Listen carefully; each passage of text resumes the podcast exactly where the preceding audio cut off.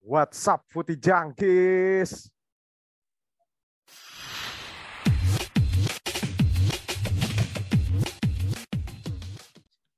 Tahu apa Tahu kamu apa soal kamu bola? soal bola? Yo, what's up, what's up? Balik lagi bersama kami di Sepak Pojok. Ada gue, Tantio Jack, yang setelah bertahun-tahun tidak kembali ke sini. Tadi juga sudah ada Huda. What's up, Hud? Halo everybody, what's up with the junkies? Ada juga Ferry, yang konon halo. katanya lagi mencari kitab suci. Gimana, Fer?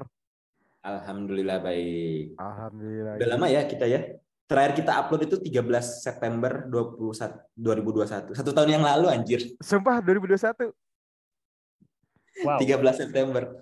Wah, anjir. ini Gila. aja kita ini ini kita tapping juga pertengahan September ya, berarti pas tahun. Oh, iya bener nih. Pas setahun nih. Gila kita setelah setahun kembali, eh setahun tidak rekaman, akhirnya kembali lagi di sisa-sisa seperti ini ya. Aldi nih tapi kemungkinan bakal menyusul kita nanti Aldi. Jadi ya kita gini nih, kita kita tuh kan eh, yang kenapa kita baru kembali lagi karena kita tiba-tiba pengen ada hal-hal yang menarik di sepak bola nih. Jadi kita pengen ngomongin lagi ya guys ya. Hmm, Yoi. betul betul. Yes. Udah lama coy. Iya. Hmm. Kadang kalau kita tahun-tahun ini juga nanti kan ada Piala Dunia juga ya, mungkin ya seru juga lah nantinya juga ke depannya. Wah itu gue kayak gue gue Piala Dunia pengen liburan sih gue. Gue Oh, lu nggak ikut ya? Iya, gue kayak nggak nonton bola sih. Gue kayak liburan aja deh sebulan gue. Gue tuh pengen mengasingkan diri, tidak bermain HP, tidak bermain medsos Ya. seperti itu. Ya, Itali nggak nggak lolos soalnya. Iya, nanti kita. tapi nggak apa-apa lah tipis-tipis. Gue biasanya kalau Piala Dunia tuh dukung tim yang nggak jelas nggak jelas biasanya. Yang nggak jelas nggak jelas.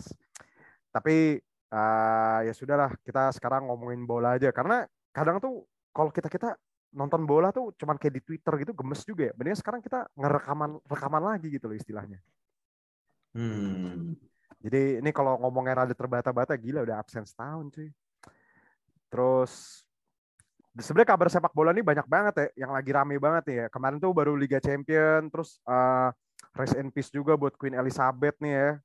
Jadi di weekend ini tidak ada sepak bola, ya cuman beberapa sih yang main ya. Sepak bola tuh beberapa di Liga Inggris ya di Liga Di Inggris Liga tuh Inggris itu dari 10 pertandingan cuma 7 yang dimainin. cuman tujuh ya. Tim Hmm. lu tim lu nggak main kan Hute? Iya, kagak main. Liverpool City juga nggak main kan? Liverpool nggak main, Nggak. Chelsea nggak main. Perlu nggak main. City main City. City main ya. City main. Soalnya dia away ya. Iya, City main. Ah, terus Arsenal tuh main. Tim gua main, Hmm. tim gua, tim gua. Tapi ya seperti itulah. Kita jadi tidak bisa menyaksikan Liga Inggris, tapi nggak apa-apa lah. Itu kan kebudayaan sana ya. Tapi itu di Twitter kemarin rame juga tuh, Fer. Ya. Ada yang Apa? kayak ada yang kayak ngata-ngatain gitu kayak ngapain sih ditunda-tunda gitu. Kayak lu Ya. kemarin lu lihat gak sih kemarin Bener. fans, fans Liverpool di Liga Champion ya juga ya? Hmm. Soalnya eh, gimana kan yang banyak protes itu, soalnya yang anehnya gini Jack, eh, Nah, Premier League ditunda nih, tapi kayak liga-liga rugby nggak rugby nggak ditunda, terus kriket nggak ditunda, bahkan mereka tuh kayak bikin semacam eh, on game itu kayak bikin semacam apa tribute gitu, terus te- kenapa kok Premier League yang ini ditunda gitu, makanya banyak yang protes tuh kayak gitu gitu, kok lu aneh sendiri sih gitu, sedangkan di lain tuh enggak gitu. Soalnya dari dari apa dari dari dari Buckingham Palace sama dari ininya juga kan nggak ngewajibin kan. Ya, Ah. lu mau itu mau nggak apa-apa nggak apa-apa gitu. Cuman Premier League malah ditunda gitu. oh, Gitu. Pantes, gue tuh ngecek Twitternya ada Twitter Sky Sport kok rugby-nya tetap main anjir pas weekend kemarin kan. Ternyata ada aturan seperti itu ya. Iya, Wah. jadi pemerintahan Yang Inggris tuh ngebebasin sebenarnya Pak. Ah, Bahwa buat kalau mau event olahraga ya bebas lah, lu mau ngadain apa enggak itu balik lagi ke liga apa ke FA-nya ya, fe- federasinya masing-masing. Kebetulan FA kagak mau aja. ah. kemarin tuh kemarin tuh di Liga Champions gue juga lupa deh ada fans klub bolanya siapa ya Dortmund apa apa ya yang ngomong katanya jangan jangan intervensi pertandingan sepak bola tuh gue lupa deh. Bayern Munich. Oh Bayern ya Munchen. Bayern. Munchen, Bayern Munchen. Bayern Munchen ya. Eh by the way ini ada ada Aldi comeback WhatsApp di WhatsApp bro. WhatsApp bro. Ya seperti itulah kemarin tuh kemarin lagi rame juga sih Liga Champion. Terus yang ada kemarin gue juga eh yang main di Inggris itu tidak ada Champions League anthem-nya juga ya kemarin. Liga Champion. Terus di Liga Champion nggak ada hasil mengejutkan ya. Apa ya? Timnya Ferry nih match day pertama hancur banget anjir. Tapi kemarin Iya, menang tai sih. banget. Kemarin Yang menang. yang kemarin menang. Yang Napoli tuh kalah 4-1. Tai sih. Ya, Gila sih. Itu pemain Napoli yang pemain Georgia siapa namanya? Ko- siapa di namanya di? Eh, Krava Krava Pak itulah. Kvaratskhelia. Itu jago Susah jago, bacanya anjir. jago banget sih. Gua akuin jago banget. Jago itu. banget. Itu gue udah udah notice Jack dari Ah. dari match day pertama dari Serie A. Jago banget ini orang. Jago anjir gila. Gue gue gue salut tuh sama scoutingnya Napoli. Maksudnya dia ditinggal banyak pemain ya kan musim ini kan. Siap cabut semua kan pemainnya. Tapi mainnya Gue berharap mau beli aja deh tuh, Cok. Tuh bocah. si Kan ini. Liverpool kebiasaan kalau apa ada pemain yang nge, nge- ngacak apa ngacak-ngacak dibeli anjing. Iya iya iya benar benar benar. Tapi gimana Fer lu? Kemarin kan lagi rame berita pemecatan berita pemecatan nih. Jurgen Klopp lagi naik turun nih. Tim lu tim lu kemarin kan lagi naik turun tapi walaupun kemarin lawan Ajax menang di menit-menit akhir gitu. Lu kemarin apa sih faktor kalau gue sih ngelihatnya faktor mungkin faktor cedera ya kemarinnya Liverpool ya. Makanya bisa Gua kayak Hmm. gitu ya. gua rasa cedera cedera eh, cedera itu sebenarnya ada ada ada tiga sih menurut gue ya. Eh, cederanya Thiago terus eh, si eh, perubahan main karena ada adanya Nunez gitu kan.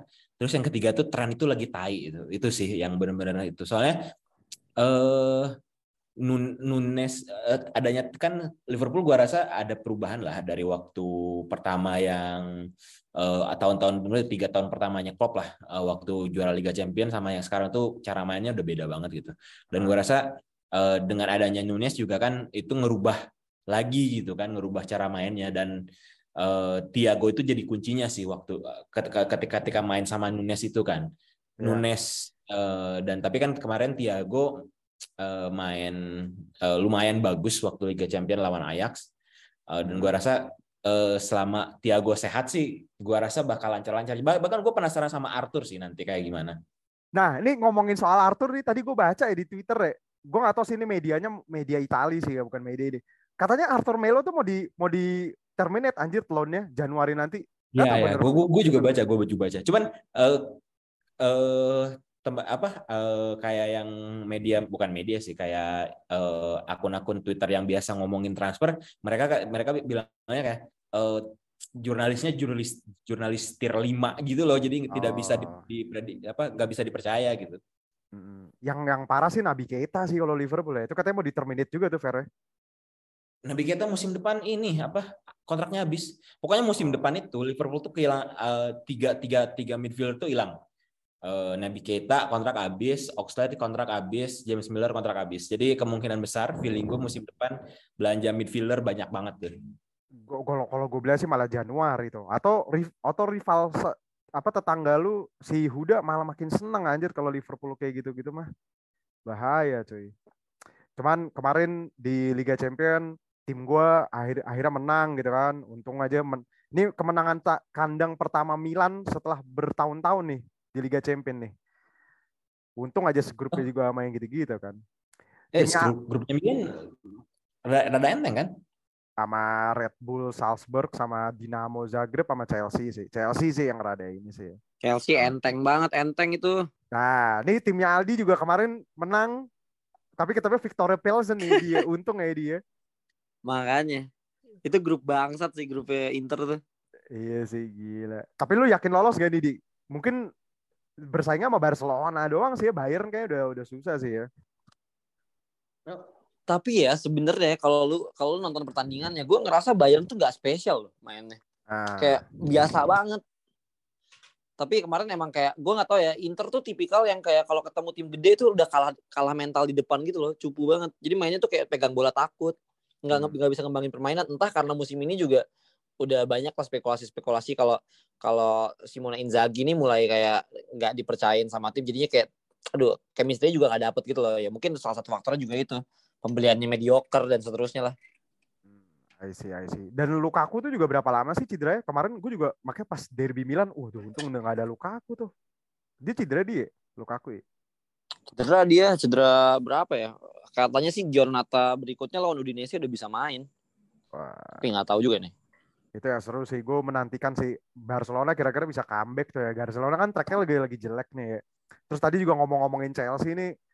Graham Potter nih kemarin debutnya juga seri nih di Liga Champion kan Graham Potter ya Chelsea nggak tahu sih ya tapi ngomongin soal apa soal Thomas Tuchel dikit gitu ya kalau menurut kalian sih nih menurut kalian Thomas Tuchel itu termasuk berhasil atau gagal sih kalau menurut lu Hud Huda nih tadi tadi belum ngomong kan Huda ya ya Tuchel aduh.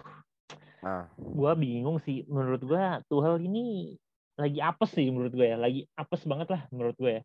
Mm-mm. kan mungkin karena faktor si Abramovich juga cabut kali ya. Lu ngerasa nggak sih kayak Chelsea langsung gunjang ganjing lah gitu? Semua semua transfer di diatur sama pemilik barunya kan si Todd ini kan. Eh, jadi eh, begitu banyak banyak apa ya banyak bergejolak lah pasti di eh, Chelsea kan sedangkan ya gue jujur sih gue paling ngeliat Tuchel tuh seru ya. Kalau lihat Chelsea main tuh apalagi yang pertandingan sempat yang lawan eh, Tottenham itu seru loh kalau Oh, tuh nonton loh yang ribut-ribut itu itu itu Gua seru banget gue juga nonton anjir. Ah, bahkan eh gue tuh sebenarnya semenjak MU mainnya jelek awal musim ya waktu pas eh, masih awal sama si Erik Ten Hag itu gue nontonin pertandingan lain tuh malah jadi lebih seru nonton lu nontonnya nonton Newcastle itu Jack salah satu Brighton tuh yang dipegang dipegang si Potter ya. Hmm, terus juga macam kayak eh siapa tuh Leeds gitu-gitu mm-mm. eh itu asik itu apa ya lebih lebih seru lah gitu kan. Nah jadi gua apalagi kalau misalnya udah keluar ketemunya tim besar sama tim besar gitu kan. Nah cuman ya menur- menurut gua ini terlalu terburu-buru sih si Chelsea ini memecat eh, Tuchel ya. Lah, lu tahu sendiri lah, Tuchel udah nggak bawa Chelsea juara Liga Champion dalam waktu kurang dari setengah tahun kan dia langsung bawa li- juara Liga Champion. Terus Hmm. Piala Dunia antar klub juga.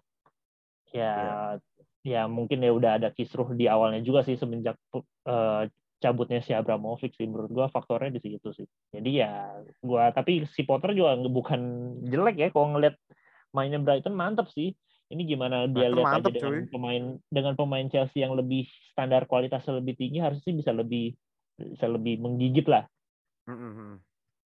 Terus kalau tapi kalau kalau lu bilang tadi kan sebenarnya mainnya apa ya?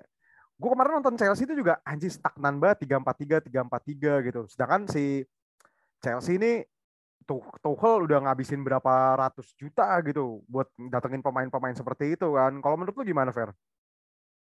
Hmm. Gua gua rasa gimana ya? Kalau rada rada ini sih, rada apa? Rada emang rada terburu-buru, tapi gue juga nggak kaget sih. Lu eh, soalnya masalah Tuchel sama bentrok sama ownership itu bukan bukan hal baru kan. Waktu di PSG kayak gitu, waktu di Bayern Munchen eh Bayern Munchen apa Dortmund ya? Borussia Dortmund juga kayak gitu gitu kan jadi sebenarnya gue nggak kaget kalau eh, karena pas dia dipecat itu abis kalah sama Dinamo Dinamo ya Dinamo Iya. apa Salzburg Lawan Zagreb, Dinamo Zagreb. kan ya sama saya Dinamo Zagreb kan jadi Ah. eh, tapi sebenarnya rada terburu-buru juga sih soalnya kalau gua rasa lebih lebih baik kayak nunggu satu setengah mu- setengah musim lah minimal gitu kan. Mm. soalnya kalau lu ini baru awal musim gua rasa eh, banyak eh, gak banyak manajer top lah misalnya yang yang mau eh, menghandle mengambil alih di tengah di di awal musim kayak gini kan. Mungkin kalau tengah musim masih rada make sense lah gitu. Cuman kalau tengah musim kayak tanggungnya aja gitu kan. Dan tapi balik lagi dan tapi gue nggak kaget sih jujur Eh, bukan tapi bukan kaget karena resultnya dia kalah sama Dinamo Zagreb ya tapi karena dia emang banyak eh, sering bentrok sama ownership gitu Ah, kalau dari lu deh gimana di? Lu kan termasuk tim yang kecipratan dari hasil Lukaku nih ya. Fe- kar- Soalnya Chelsea ini kan kadang lucu juga ya. Tadi si Huda sama Ferry juga udah nambahin kan kayak Peter Cech kan udah cabut tuh. Terus gue lupa tuh yang Maria Graflanowski ya, yang cewek itu juga udah cabut gitu kan. Soalnya dari sisi transfer tuh kan kayak Lukaku lu bayangin ya dibeli, ujungnya sekarang dibalikin Inter lagi, yang bayar gajinya si Chelsea gitu. Gimana di kalau menurut lu di? Ya itu salah satu blunder Chelsea sih menurut gua. Dan sekarang eh, masalah besar Chelsea juga di masalah klinikal ketika dia main sih. Nggak ada bener-bener striker yang yang bisa eh, kayak menyelesaikan semua alur serangannya dia gitu loh. Muter aja kalau gue lihat mainnya ya. Terus kayak keputusannya bener kata Ferry sih. Tuchel tuh cepet banget loh. Itu sama aja kayak Scott Parker kemarin kayak aneh banget di Liga Inggris. Baru baru juga berapa match udah udah ini apa namanya udah udah langsung pecat-pecatan aja gitu. Kayak resultnya kan masih masih panjang. Dan kalau ngomongin soal Potter sebenarnya potensial ya, tapi Mm-mm. gue suka mikir kalau pelatih-pelatih yang kelas tengah kayak gini dikasih pressure yang besar tuh kadang-kadang suka malah nggak jadi. Kayak ya nggak jauh-jauh deh pelatihnya Inter sih Simone Inzaghi dan Pioli awal-awal di Milan Nah, butuh waktu butuh proses yang lama gitu untuk pelatih pelatih kelas tengah lu pegang tim yang besar karena pressure-nya tuh beda gitu. ah, I see, I see. Tapi kalau dilihat dari tadi si Huda udah nyinggung di awal sih, kalau si Graham Potter sih sebenarnya mainnya oke-oke aja sih Brighton deh. Nggak nggak bisa dipungkiri sih kemarin dia menyulitkan tim-tim besar gitu, menyulitkan tim-tim besar. Terus kayak Nah, sama MU aja kerepotan kan lawan si Brighton awal-awal kan. Cuman ya Iya bisa jadi karena nggak ada pressure itu sih Jack. Nah, Nah. lain cerita kalau pressure gede. benar-benar. Gue juga penasaran sih bakal kayak apa tuh Chelsea ya, nanti dipegang Potter ya. Tapi ngomong-ngomong soal Todd, ngomong-ngomong soal Todd Boehly kan ya. Todd Boehly tuh kemarin sempat ini juga kan, sempat apa namanya? Sempat mengeluarkan statement yang rada lucu nih, apa pemiliknya Chelsea ini. Kemarin tuh dia ngomong katanya mau bikin wacana mengenai apa tuh namanya All Star gitu kan, bagaimana dibikin kubu sini, kubu sana gitu. Ini sebenarnya mau dijadiin entertainment kayak Amerika nggak sih ini sepak bola Inggris? Gue juga nggak tahu ya, dia juga orang baru gitu kan. Tapi kenapa bisa berpikiran seperti itu ya? Kalau ada yang mau nanggepin dengan statement Todd- Boehly, mungkin lu Fer? Hmm, Sebenarnya bukan ide baru buruk sih. Menurut menurut gue ya, sebenarnya bukan ide buruk sih. Cuman eh, apa ya kulturnya beda aja sih, makanya nggak nggak terlalu banyak nggak terlalu banyak yang suka lah bisa dibilang. Soalnya eh, kalau lu kalau lu bandingin eh, sepak bola gitu ya, bola sama sama apa sama game-game apa olahraga-olahraganya Amerika, lu kerasa lah kulturnya beda banget gitu. Amerika tuh benar-benar spektakel yang benar-benar lu skornya kudu gede-gede semua, terus eh kul- fans culture-nya tuh mungkin nggak sekental di bola gitu kan. Kalau di bola kan sama ada ultrasnya segala dan sebagainya. Gua rasa eh, walaupun sebenarnya gue sangat terbuk eh, bukan ide buruk, cuman gua rasa nggak akan cocok sih kalau buat yang South sama North itu. Dan apalagi kalau eh, North sama South itu rada-rada timpang juga sih kalau kalau gua. Kemarin kan sampai si Bleacher apa siapa ya bikin kayak tim-timannya gitu kan. Kalau dilihat sih seru Hmm. sih ya.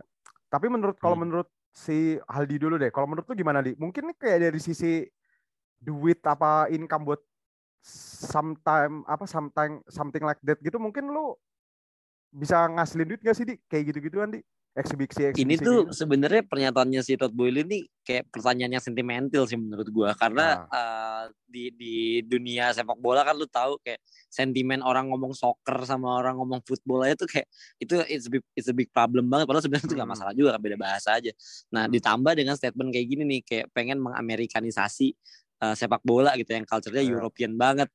Eh, yang basket banget nih eh, All Star mau coba di eh, di Inggris gitu ya kayak kalau menurut gue sebenarnya memang, memang bukan statement yang jelek juga sih secara income itu bakal menarik banget karena uh, kita sebagai penikmat sepak bola nggak nggak memungkiri juga kayak pengen lihat dong kalau misalnya gue penasaran banget pengen lihat kayak Ronaldo sama Messi itu kalau satu tim tuh kayak gimana sih gitu. Misalnya let's say kayak gitu kayak uh, wacana-wacana kayak gitu kan bisa juga terjadi di meskipun uh, cakupannya Liga Inggris doang gitu ya. Nah, siapa sih nggak pengen lihat uh, Kevin De Bruyne uh, nge-assist Ronaldo gitu kan? Kita kita nggak Nah. pernah lihat kan dalam hidup kita gitu. Ya itu bukan ide yang buruk sih sebenarnya. Cuman uh, again bedanya adalah kalau di di Amerika kan jelas ya bagian Western and Easternnya kalau di basket ya emang jelas gitu sedangkan di sini kalau lu mau bagi utara Northern England sama Southern England itu Southern kasihan banget anjir itu iya kayak sih. lu kayak nonton Manchester City lawan Brighton itu Paling Iya, jaga dari iya, London London aja. Iya, paling Arsenal yang ngisi Iya. banyak kan. Chelsea. Gitu sih. Tapi kalau misalnya European All Star mungkin lebih seru ya menurut gue. Wah itu itu seru sih itu kayak kayak partai amal partai amal ini ntar kayak zaman dulu ah, cuy. itu tuh lebih seru tuh. Iya yang ada Michael Schumacher, nah, mending bikin kayak gitu ya. kayak zaman dulu kan ada tuh. Michael Schumacher, Iya, Michael Schumacher lah siapa itu. Valentino Rossi. Nah, tapi kalau dari sisi rivalitas tuh ngerusak sisi rivalitas itu kayak misalkan pemainnya MU kan udah pasti setim sama Liverpool gitu ya. Dari segi gengsi kayak anjir, gue setim sama rival gitu gimana kalau Hud kalau lu Hud nangkep ya Hud. Iya, itu menurut gua ya dari segi eh, kita mau lihatnya dari segi mana nih? Dari segi fans fanatik masing-masing klub kah atau emang tujuannya untuk apa gitu kan? Kalau Nah. misalkan untuk kita yang hanya sebagai penggemar biasa yang emang suka nonton bola Liga Inggris gitu ya pasti akan ini yo seru aja gitu kan ngelihat yang tadi Aldi sempat bilang ya kayak uh, tim A yang udah jago banget uh, kapan lagi bisa satu tim gitu untuk untuk ngasilin sebuah pertandingan yang seru gitu.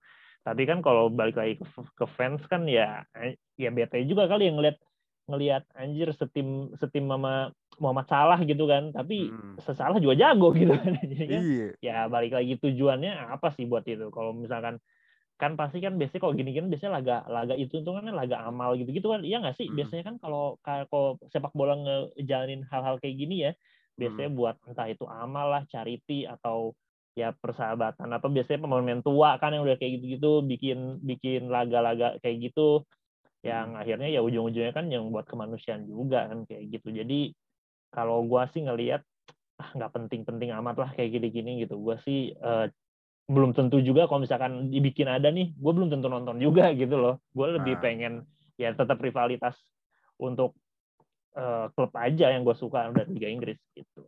Soalnya tadi uh, si Aldi kan juga nyinggung tentang tentang culture culture juga gitu ya kayak kayak kemarin aja final Liga Champions tuh itu rada rada ngezong juga gitu loh. Itu ibaratnya kan UEFA kan mau mau mencoba entertainment nge-entertainmentin sepak bola Eropa kan, cuman nggak bisa. Event kayak Marco van Basten aja kan sampai sampai ngasih statement tuh kayak lu nggak bisa lah kalau fans bola kan niatnya lu mau nonton bola gitu tapi lu kasih suguhan entertainment gitu apalagi kalau lu suka nonton basket nih kan ada yang suka nonton olahraga NFL lah atau atau NFL atau basket gitu ya itu yang lucu kan gini Fere kalau orang Amerika kan emang pure entertainment banget ya itu tim lu hmm. kalah aja masih mau joget-joget gitu loh kalau nonton NBA yeah. gitu kan ya iya kan kayak di bola susah sih kayak gitu ya nggak sih susah susah Susah. Masalahnya kalau lu di soalnya di kalau di NBA kayak gitu kan balik lagi lu kalau uh, fans culture-nya tuh beda, Jack. Gua rasa kalau mau di mau salah satu yang fans culture-nya benar-benar ekstrim banget, bahkan kalau di level di Amerika gitu ya. Sebenarnya bukan di ini, bukan di apa, bukan di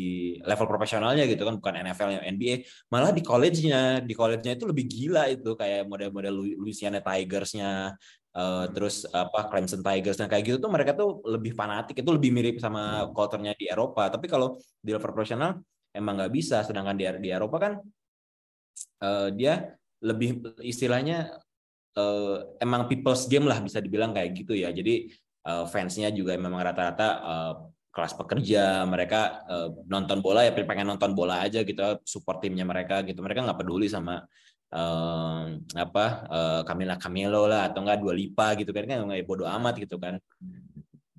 I see. Cuman ya ya mungkin gue sih paling tadi kalau berpikiran kayak tadi udah ngomong mungkin warlock warlocknya sih males nonton deh. Kayak gitu tuh paling yang nonton turis nanti ujung-ujungnya cuy. Warga asing warga pokoknya dari luar Inggris atau dari mana gitu. Ya emang namanya juga Todd Boehly kan. Dia kan lagi nyari muka kali ya. Dia kan pendatang baru juga kan. Iya.